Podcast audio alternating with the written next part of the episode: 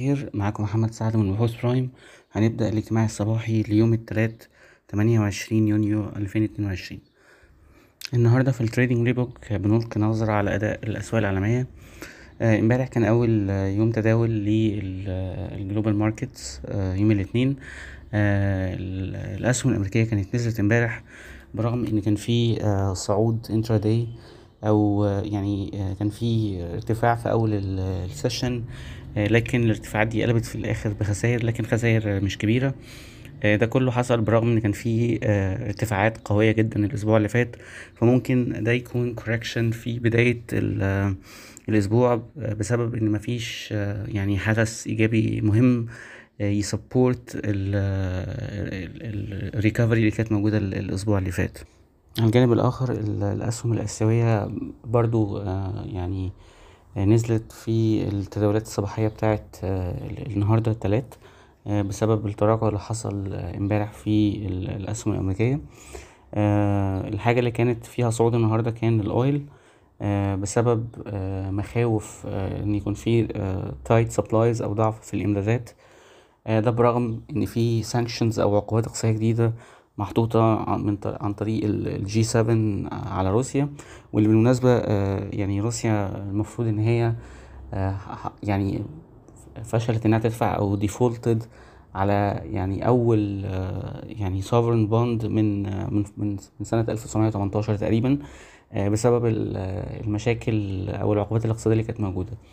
فاللي إحنا بنقوله النهاردة إن يعني تدهور الحالة الاقتصادية أو الأحوال الاقتصادية في روسيا هيودينا لطريق من الاتنين. يا إما يبقى في تعجيل بمفاوضات تنهي الموقف يا إما الموضوع يطول أكتر بسبب إن يعني الطرفين متمسكين برأيهم وضعف الحالة الاقتصادية ممكن يزيد الإصرار بتاع كل طرف على المكتسبات اللي هو ممكن يكون حققها في الحرب لغاية دلوقتي.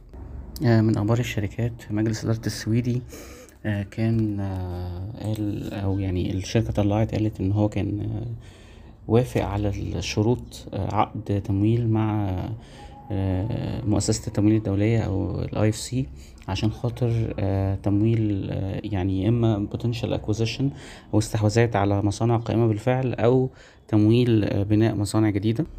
و AMOC كانت نزلت الجديدة ألفين اتنين وعشرين ألفين تلاتة وعشرين السنة المالية اللي جاية وب target فيها أرباح تقريبا خمسمية اتنين وتلاتين مليون جنيه.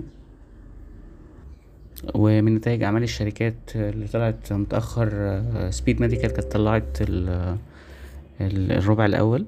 الشركة كانت يعني تحولت للخسائر. عملت تسعة وتلاتين مليون خسائر في الربع قصاد ارباح تسعة وعشرين مليون جنيه الربع اللي فات. يعني الربع الأول ألفين واحد وعشرين. ال revenues بتاعت الشركة يعني اتحسنت تحسن طفيف حوالي خمسة في المية سنة على سنة.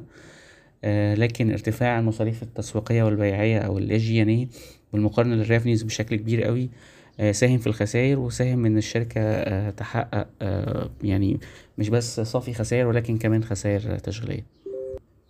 دي كانت معظم أخبارنا النهاردة. شكرا. صباح الخير.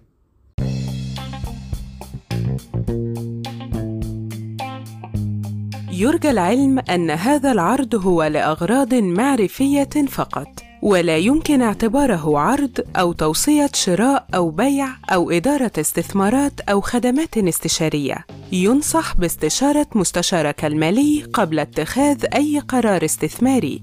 الأداء التاريخي ليس مؤشرا يعتمد عليه لتحديد الأداء في المستقبل.